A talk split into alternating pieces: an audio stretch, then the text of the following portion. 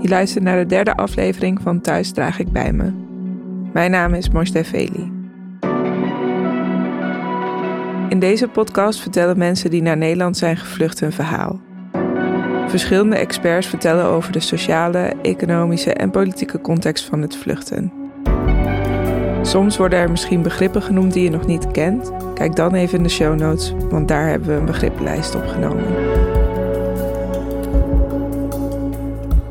In deze aflevering hoor je de ervaringen van Michel.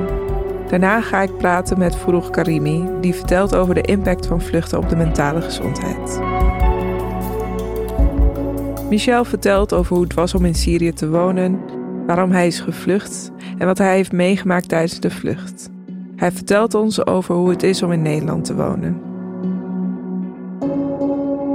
Voordat ik wegging uit Syrië, had ik een mooie en stabiele leven. Ik studeerde in media en communicatie, werkte als manager in een vijfsterren hotel en uh, ook uh, voor de United Nations. Ik was omgeven door familie en vrienden en liefde in een veilige land.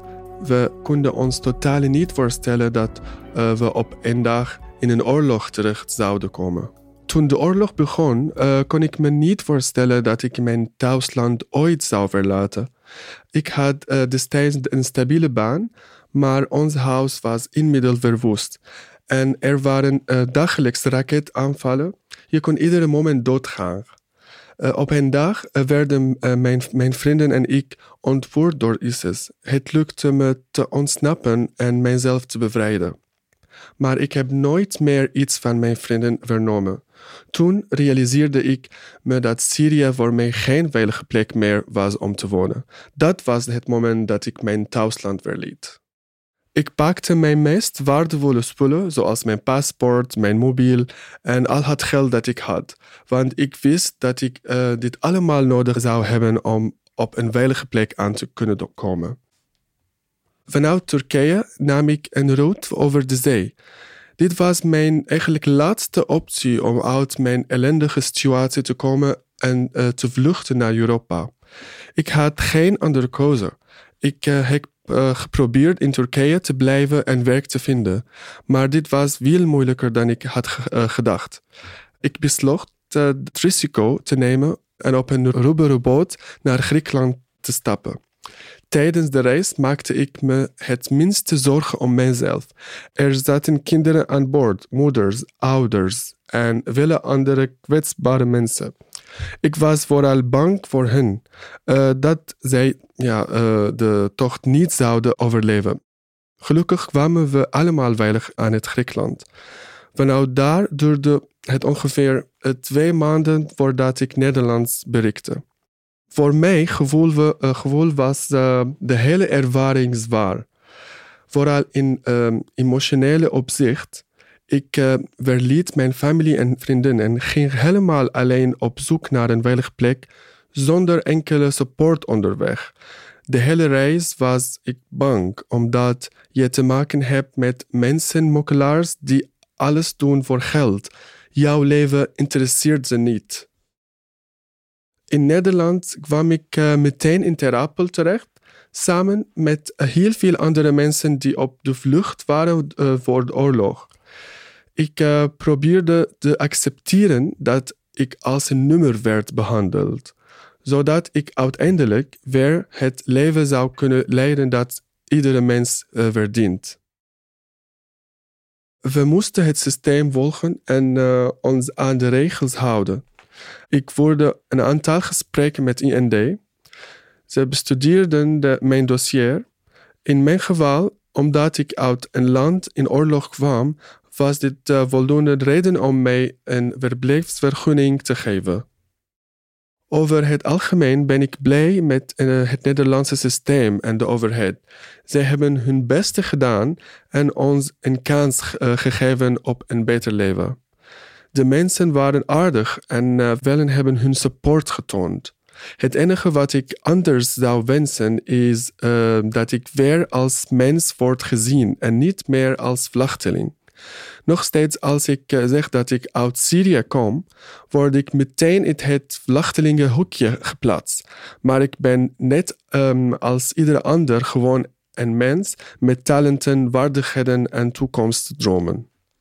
Uh, mensen denken vaak dat als je veilig in een land bent aangekomen, je een verblijfsvergunning hebt en een nieuwe leven, dat alles dan weer goed is. Maar dit is niet waar. Ik kwam hier in 2015 en ik uh, leid nog steeds aan mijn trauma's. Deze ervaringen hebben een enorme invloed op mijn mentale gezondheid. Ik geloof dat we allemaal het recht hebben op hulp om hiermee om te gaan, zodat we weer gelukkig mensen kunnen worden. Wat mij gelukkig maakt, is mijn restaurant en de impact daarvan. Samen met mijn collega Floor Bakker uh, heb ik het restaurant A Beautiful Mess opgezet. Wij bieden mens, uh, mensen uh, met een vluchtelingenachtergrond de mogelijkheid om te, om te komen werken in het restaurant en zo actief bezig te zijn. Mijn ambitie is een verschil te maken in het leven van mensen die een grote verandering moeten doorleven nadat ze gevlucht zijn.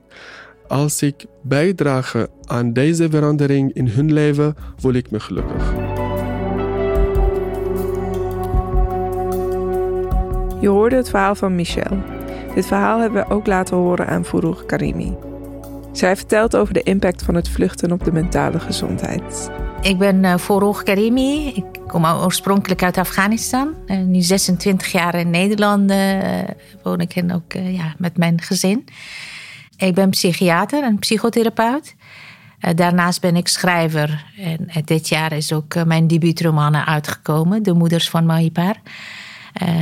En het boek gaat ook over het lot van vluchtelingen en moeder en kind die in Nederland in de jaren tachtig naar Nederland komen. En, maar ook de interactie tussen hen en Nederlanders. U heeft net het verhaal van Michel gehoord. Mhm. Wat is uw eerste reactie op zijn verhaal? Uh, nou, mijn eerste reactie is wel dat dit een van de, de meest positievere verhalen zijn. Met positievere uitkomsten. En, en uh, ook dat, ik kan het wel een succesverhaal noemen. Iemand die dan toch vrij krachtig is en heel veel veerkracht heeft. En dingen voor elkaar heeft gekregen. En die kijkt ook positief naar het leven. En ik denk dat het misschien uh, te maken heeft omdat de basis uh, goed is uh, gelegd. Ja, want hij heeft ook een vrijheid geleefd. Ja. En, is, is Michels verhaal een herkenbaar verhaal? Ziet u dit vaker? ja, zeker. Ja, dat, dat, zie ik, dat zie ik gelukkig wel vaker. Ja, wat ik in, in dit verhaal wel kenmerken vind, is dat hij ja, toch zijn, ehm, zijn behoefte en zijn wens om erkenning als mens. En hij zegt van, uh, ik ben geen vluchteling, maar een mens. Ja? En dat, dat is ook de aversie tegen het woord vluchteling. Terwijl een vluchteling is ook een mens. Uh, en dat, uh, dat kan betekenen dat dat hij ervaren heeft dat het woord vluchteling als heel negatief, uh, ja, een hele negatieve weerklank heeft. Of als zielig, als hulpbehoevend, of als uh, een, iemand die niet welkom is, of een profiteur, wat dan ook. Ja. Dat vond ik wel merkwaardig om, om te horen. Wat voor effect denkt u dat het vluchten uit je eigen land heeft op de mentale gezondheid? Ja, nou kijk, dit is een vraag dat ik uh, zou zeggen. Uh, het vluchten zelf, wat voor impact heeft het vluchten zelf op de mentale gezondheid, dat is iets wat pas later natuurlijk tot stand komt. Maar je moet even daarvoor kijken. Waarom vluchten mensen? Ja, zoals bijvoorbeeld in dit verhaal. Uh, als we horen, hij, heeft, uh, hij moest de, oorlog meemaken. Ja? En, en dan be, hele beangstigende, dreigende situaties. Hij voelde zich bijzonder onveilig. Waardoor hij dus gekozen heeft om zijn familie te verlaten. Dus heel veel vluchtelingen die komen, vluchten is um, een soort uitweg. Ja, een soort uh, bewegen naar het licht, naar vrijheid. Uh, en, en een positieve eigenlijk uh, gebeurtenis. in die zin vanuit, ja, vanuit donker naar het licht, vanuit duisternis ja, naar, naar, naar vrijheid, naar licht. en dat, ehm, dus vluchten zelf op dat moment is een soort van opluchting. Op het moment dat mensen bijvoorbeeld Nederland bereiken. En dat ze zijn heel erg blij en, en, vrolijk, en, vrolijk en euforisch bijna. En dat is ook heel menselijk, ja. Want je hebt. En, en pas dan komt die shock van. Hè, uh, omdat het niet. En, ja, zoals, zo, zoals uh, deze jongen ook zegt. dan besef je pas van. Goh, hier begint het opnieuw. Ja, hier moet ik. want mensen worden geconfronteerd met hele nieuwe situaties, met hele nieuwe uitdagingen. Dus wat vluchten doet met de mentale gezondheid van, van mensen, is iets wat een beetje een opeenstapeling is op wat er al eerder is geweest. Dan komt vluchten en dan komt daarna het besef van, ook van verlies. Want vluchten was vooraf wordt gezien als iets als een verbetering, als een uitweg. Uh, het besef wat, wat mensen verloren hebben, dat komt pas later. En dat is een heel ingewikkeld verhaal. En hoe zou u zeggen dat de gevolgen op de mentale gezondheid in het dagelijks leven dan merkbaar zijn voor deze mensen? Uh, gevolgen van? Van, uh, van het vluchten. Dus eigenlijk van het positieve gevoel van opluchting. Mm -hmm. Dan gaan naar het complexe verlies wat daarna mm -hmm. komt. Hoe zien we dit in het dagelijks leven als, als effect op hun uh, leven terug? Ja, nou kijk, en, en dat is ook iets wat we niet 1, 2, 3 kunnen zeggen, uh, dan gebeurt dit, dan gebeurt dat. Het is echt een proces. Ja? Een proces van uh, oorlog meemaken, onveiligheid, dreiging en daarna vluchten en daarna weer met een nieuwe realiteit uh, geconfronteerd worden en daar zien je, je plek te vinden. Er komt heel veel op mensen af. Dus hoe zie, ziet het eruit in het dagelijks leven? is heel afhankelijk in welke fase zit je, uit welke situatie je komt, hoe je vlucht is verlopen. Wat heb je daar meegemaakt? En wat, wat maak je hiermee? Wat voor persoon ben je? Wat voor coping heb je? Is het, eh, wat heb je verloren? Wat heb je achtergelaten? Eh, er zijn ook mensen die onderweg bijvoorbeeld familieleden uh, verliezen. Ja, een verdrinking of, of andere dingen. Ja, dat is, het is ongelooflijk. Mensen hebben heel veel uh, om op te rouwen. Uh, maar uh, er komen zoveel nieuwe dingen op en af. Hè? Bijvoorbeeld de taal leren, je plek vinden in deze samenleving, uh, nieuwe vriendjes maken ja, voor jonge mensen bijvoorbeeld. Um, en tegelijkertijd uh, je beseffen dat je zo anders bent. Ja? Dat, dat je vrienden bijvoorbeeld hier met, heel, met veel andere dingen bezig zijn. Terwijl bij jou in de familie gaat het om verliezen, om rouwen, om, om, om, om heel veel andere dingen. En ook heel veel jongens die moeten, jongeren moeten hun ouders helpen, omdat zij heel snel de taal leren en hun ouders niet. Dus ook de rollen in het gezin, eh, in het gezin worden omgedraaid. Ja, dus de vader en moeder die dan uh, de controle hadden, of in ieder geval gezag hadden, dat, dat wordt ook minder, omdat, omdat ze afhankelijk worden ook van hun kinderen. Um, ik kan dus, uh, zo ontzettend veel voorbeelden geven. En dat zijn allemaal uh, de, de, voorbeelden van de impact die nou, vluchten en, en, een nieuw bestaan opbouwen in Nederland kan hebben op mensen. Ja, dus het is, het is ingewikkeld en per mens ook heel verschillend. Mhm. Er zijn wel veel mensen die hier in Nederland aankomen met, uh, met een trauma mhm. eigenlijk. Weet u hoe dit wordt uh, opgevangen hier in Nederland? Nou, uh, um, het is zo dat Eerst wil ik toch een soort van misvatting hè, rechtzetten. Dat, dat mensen denken, iedereen die uit een oorlogland komt, die is getraumatiseerd. Uh, en, en heeft PTSS bijvoorbeeld en moet traumabehandeling krijgen. Dat is niet zo. Uh, mensen kunnen traumatische ervaringen meemaken, zelfs oorlog, gruwelijkheden van de oorlog, maar het betekent niet dat iedereen een PTSS of posttraumatische stressstories uh, ontwikkelt. Um, of mensen dat psychisch uit balans raken. Dat betekent niet dat iedereen psychiatrische patiënt wordt. Dat heeft met veel factoren te maken. Ja? Dus een, een deel van de mensen ontwikkelen psychische klachten. En dat is niet alleen afhankelijk van hoe heftig die situatie is geweest, dat ze meegemaakt hebben. Maar het heeft ook te maken met andere factoren. Bijvoorbeeld hoe stevig ze in elkaar zitten. Ja, en ook veilige gehechtheid of niet. En ook de, hoe ze hun weg kunnen vinden in de nieuwe samenleving. En wat, wat ze hier tegenkomen. Allemaal bij elkaar maakt het dat mensen uit balans raken of niet. Ze hebben veel basale dingen nodig. Ze hebben veiligheid nodig, eh, zekerheid, troost, het gevoel dat ze mens zijn, een menselijke waardigheid eh, hebben. Die dingen maken dat mensen, 9 van de 10 mensen, zichzelf herstellen en redelijk kunnen functioneren zonder EMDR-behandeling bijvoorbeeld. Is in uw mening daar dan goede opvang voor, ook voor die basale uh, behoeftes? Als je kijkt naar uh, de, het aanmeldcentrum Ter Apel en de beelden die wij gezien hebben. En we moeten ons voorstellen dat daar ook kinderen uh, bij zitten en uh, gezinnen, hè? families. Ja, dat is, dan kun je je voorstellen dat dat ook nog een klap is. Heel veel mensen denken van nee, die bombardementen in je eigen land en dan dreiging van ISIS en zo, die zijn, uh, die zijn trauma's.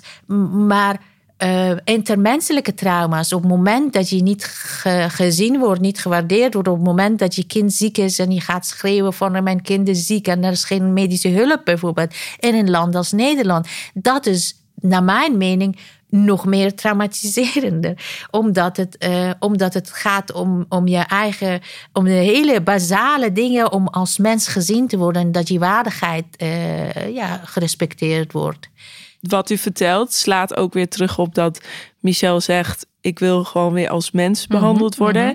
en niet meer in het vluchtelingenhokje geduwd worden. Is er in Nederland uh, eigenlijk wel een veilige omgeving waarin mensen met een vluchtachtergrond zichzelf kunnen ontplooien? Of wordt er een soort van dankbaarheid geëist en een, een, een zwijgen opgelegd op de problemen die ze ondervinden als ze eenmaal hier zijn aangekomen? Ja, nou goed, dat is natuurlijk heel, uh, heel verschillend. Ja. Het is um, afhankelijk van ten eerste uit welk land je komt. Ja. Uh, hij zegt ook, omdat hij uit Syrië komt, dan had je sneller het recht op um, verblijfsvergunning. er zijn ook landen die een beetje, waarbij de IND heel veel onderzoek moet doen. Er zijn vluchtelingen waarbij dan iets mis is, zogenaamd in hun verhaal, waardoor ze dan heel lang in de procedure zitten. Ik heb uh, ook uh, ja, mensen gekend uit Iran bijvoorbeeld, dat ze alleen op een eerste interview een jaar lang moesten wachten. En was, waren ook heel ziek en een overvolle AZC. en dan moesten ze weer verhuizen naar een andere AZC. En, ehm, en, en er zijn heel veel voorbeelden hiervan. Dus het is natuurlijk. Um, eh, als we ga, uh, gaan kijken naar de veilige omgeving, één is het systeem natuurlijk, dat hele asiel, asielprocedure en hoe, hoe de IND mee daarmee omgaat, hoe, hoe de faciliteiten zijn, hoe de regelgeving is, hè, totdat iemand dan huisvesting krijgt en ergens heen gaat. Dat is één kant van het verhaal, het systeem. En dan kunnen we van alles van vinden, maar dan begrijp ik ook dat daar ook dan. Um, uh, beperkingen zijn. En, uh, maar de andere is de opinievorming over uh, vluchtelingen. En dat is natuurlijk heel verschillend. Dan moet je geluk hebben dat je in een buurt terechtkomt dat mensen aardig zijn en jou niet meteen als een ehm, potentiële verkrachter of dief of, of een ongewenst iemand of een terrorist zien.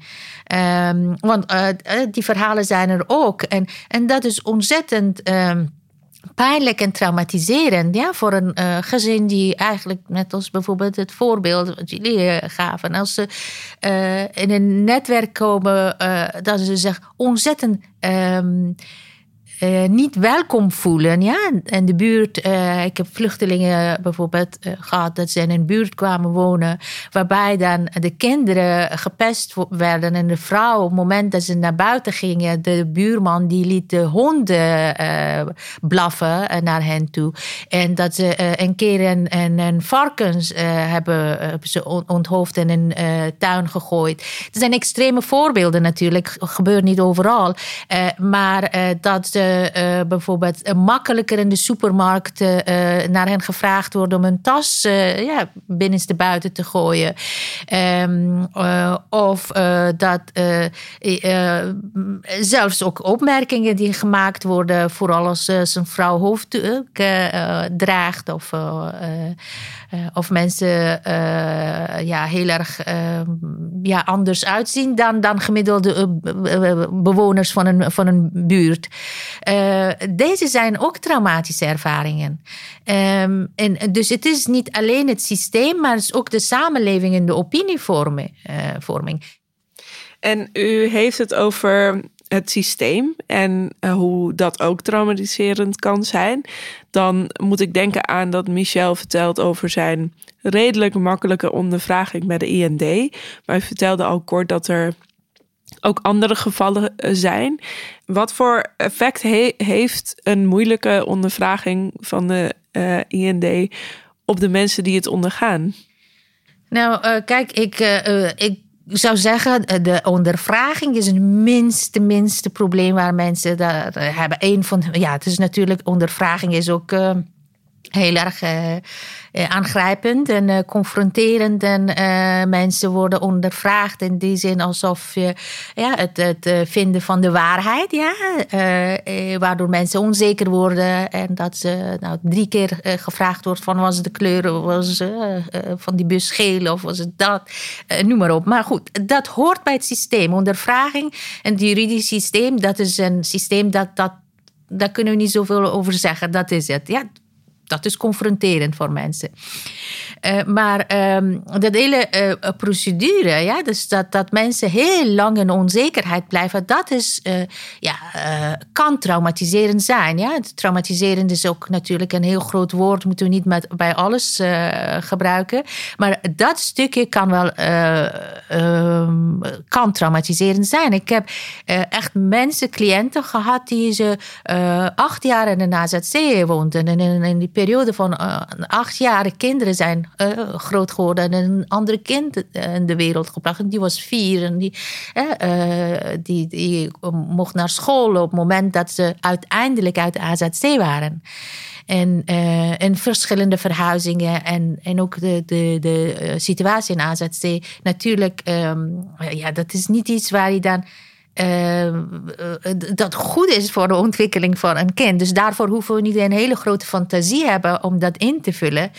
Ehm, dat is een hele bijzondere situatie. En die kinderen, als kinderen in een hele bijzondere situatie blijven, en, en, en, en een uh, crisissituatie, heel lang, dan weet je wel dat het iets doet met een uh, gevoel uh, van veiligheid. Wie ben ik? Hè? En, en, en uh, mensen kunnen heel erg angstig op, opgroeien. Kinderen kunnen angstig worden.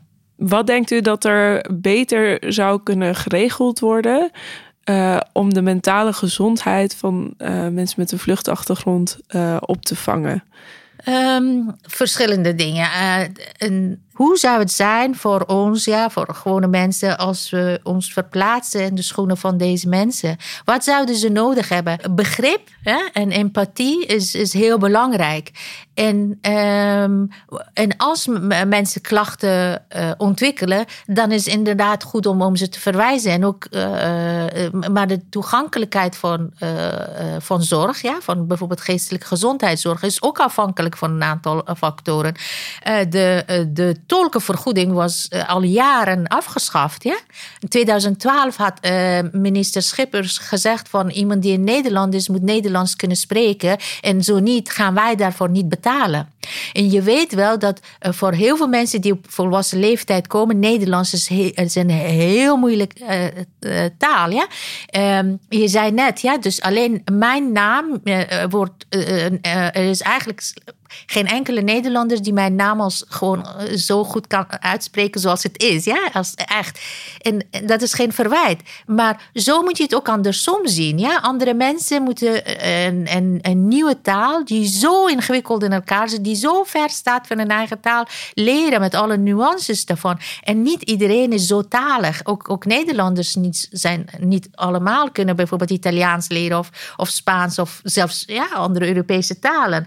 Um, dus die verwachting kun je niet uh, hebben van mensen. En vooral als je weet dat, dat mensen um, dat uh, gebrekkig. Uh, uh, spreek van Nederlands of, of, of uh, de taal niet machtig zijn, de toegang tot de zorg belemmert uh, en beperkt maakt, dat is een maatschappelijk probleem. Want dat betekent dat mensen of ziek blijven en geen zorg krijgen, of dat ze niet, geen adequate zorg krijgen. En hoe dan ook is het veel duurder dan de tolken te betalen en, en een goede anamnese af te nemen. En dat is sowieso ook binnen de gezondheidszorg uh, in het algemeen, maar ook binnen uh, geestelijke gezondheidszorg. Sinds dit jaar, na heel veel lobby van um, Johannes Wier Stichting,